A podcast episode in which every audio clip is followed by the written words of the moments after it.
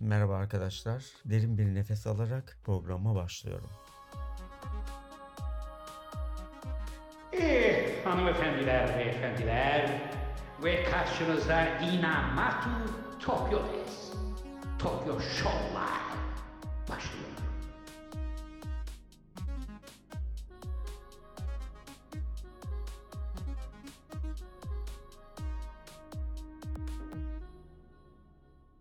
Tokyo ben. Beni uzun zamandır Instagram'dan veya Twitter'dan takip eden bir sürü insan var. Yüzünü göstermeden anonim kimlikle devam ettirdiğim sosyal medya hayatımı bir adım ileriye taşıyıp sesimle aranızda var olmaya geldim efendim.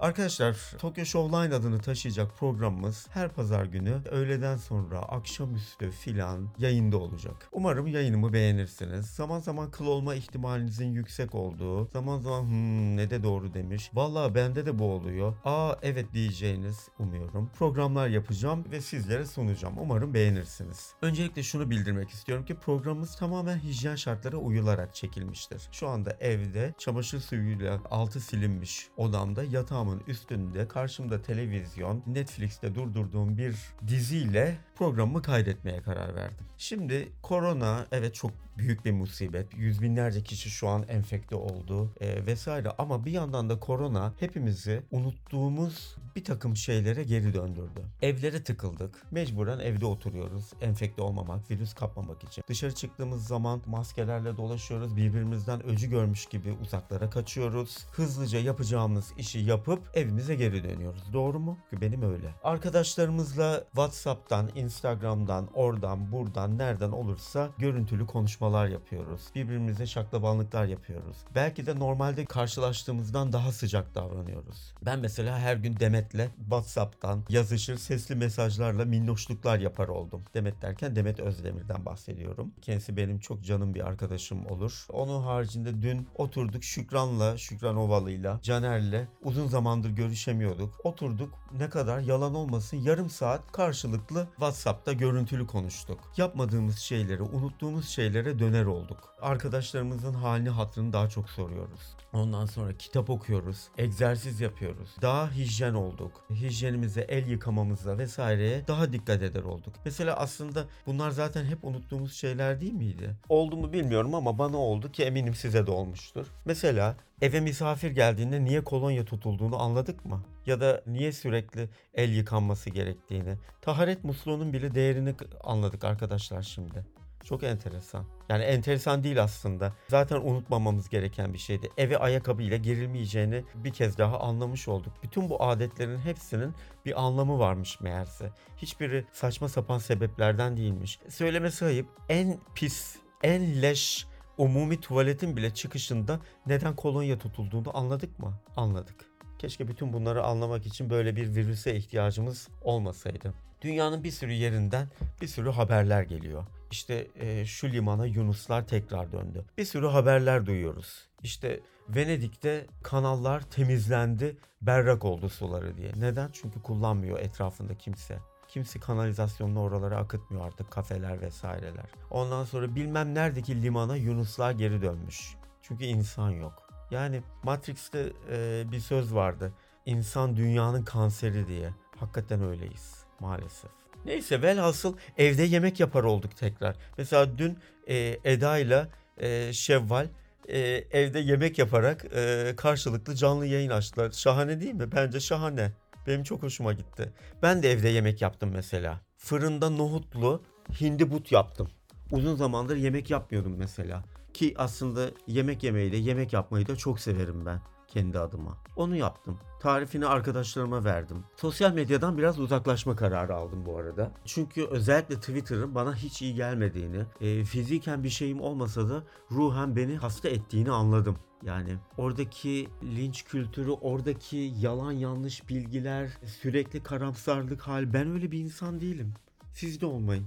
Ne gerek var? Evde plaklarım var, CD'lerim var, Netflix var, dijital mecralar var. YouTube vesaire. Oradan bana iyi gelecek şeyleri dinliyorum. Ben zaten bir vatandaş olarak evde hijyen şartlarda yaşıyorum. Sosyal mesafemi koruyorum. Bütün bunları yapıyorum. Elimden geleni yapıyorum. Vatandaş olarak zaten e, yapabileceğimiz daha fazla ne var ki? Bence bu kadar.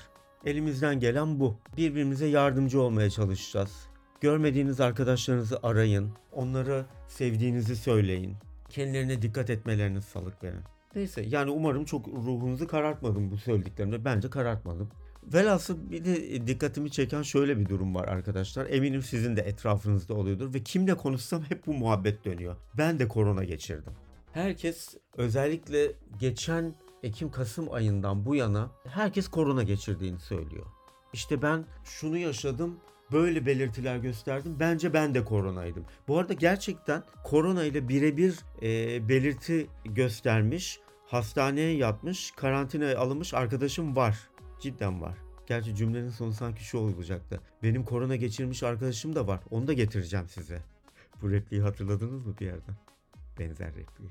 Velhasıl gerçekten bu arada geçirilmiş de olabilir. Çünkü biliyorsunuz bir e, genç bir arkadaşımız vefat etti. Ve o ayın 7'sinde daha e, bakanlık tarafından resmi açıklama yapılmadan e, şey belirtileri gösterdiğini vesaireyi söylemiş ve maalesef dün kendisi e, vefat etti. Galiba onda koa e, hastalığı varmış öyle duydum. Yanlış bir bilgi de olabilir. Bilmiyorum. Allah rahmet eylesin. Çok da üzücü bir şey tabii ki. Yani kimse ölmesin tabii ki. Yani genç, yaşlı vesaire. E, sosyal medya detoksu yapmak istememin sebeplerinden bir tanesi de şeydi. İnsanlara, e, yaşlı insanlara yapılan e, çirkin videolar, zulüm vesaire ne gerek var?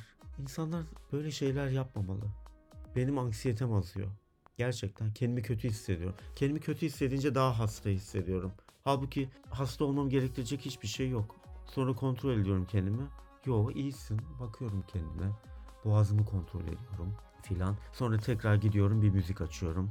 Çünkü müzik hakikaten bana çok iyi geliyor. Müzik kime iyi gelmez ki zaten. Sizin müzikle aranız nasıl arkadaşlar? Benim çok iyidir mesela. Evimde yüzlerce plağım var, yüzlerce CD var. İşte 80'ler çocuğu olmamdan kaynaklı tonla kasetim var. Hepsini çok seviyorum. Hepsini çok severek aldım. Müzik iyi bir şeydir. Müzik gerçekten bizi iyileştirir, iyi hissettirir. Yani kafamızı sosyal medyaya gömerek gerçekten bir şey geçmez elimize arkadaşlar.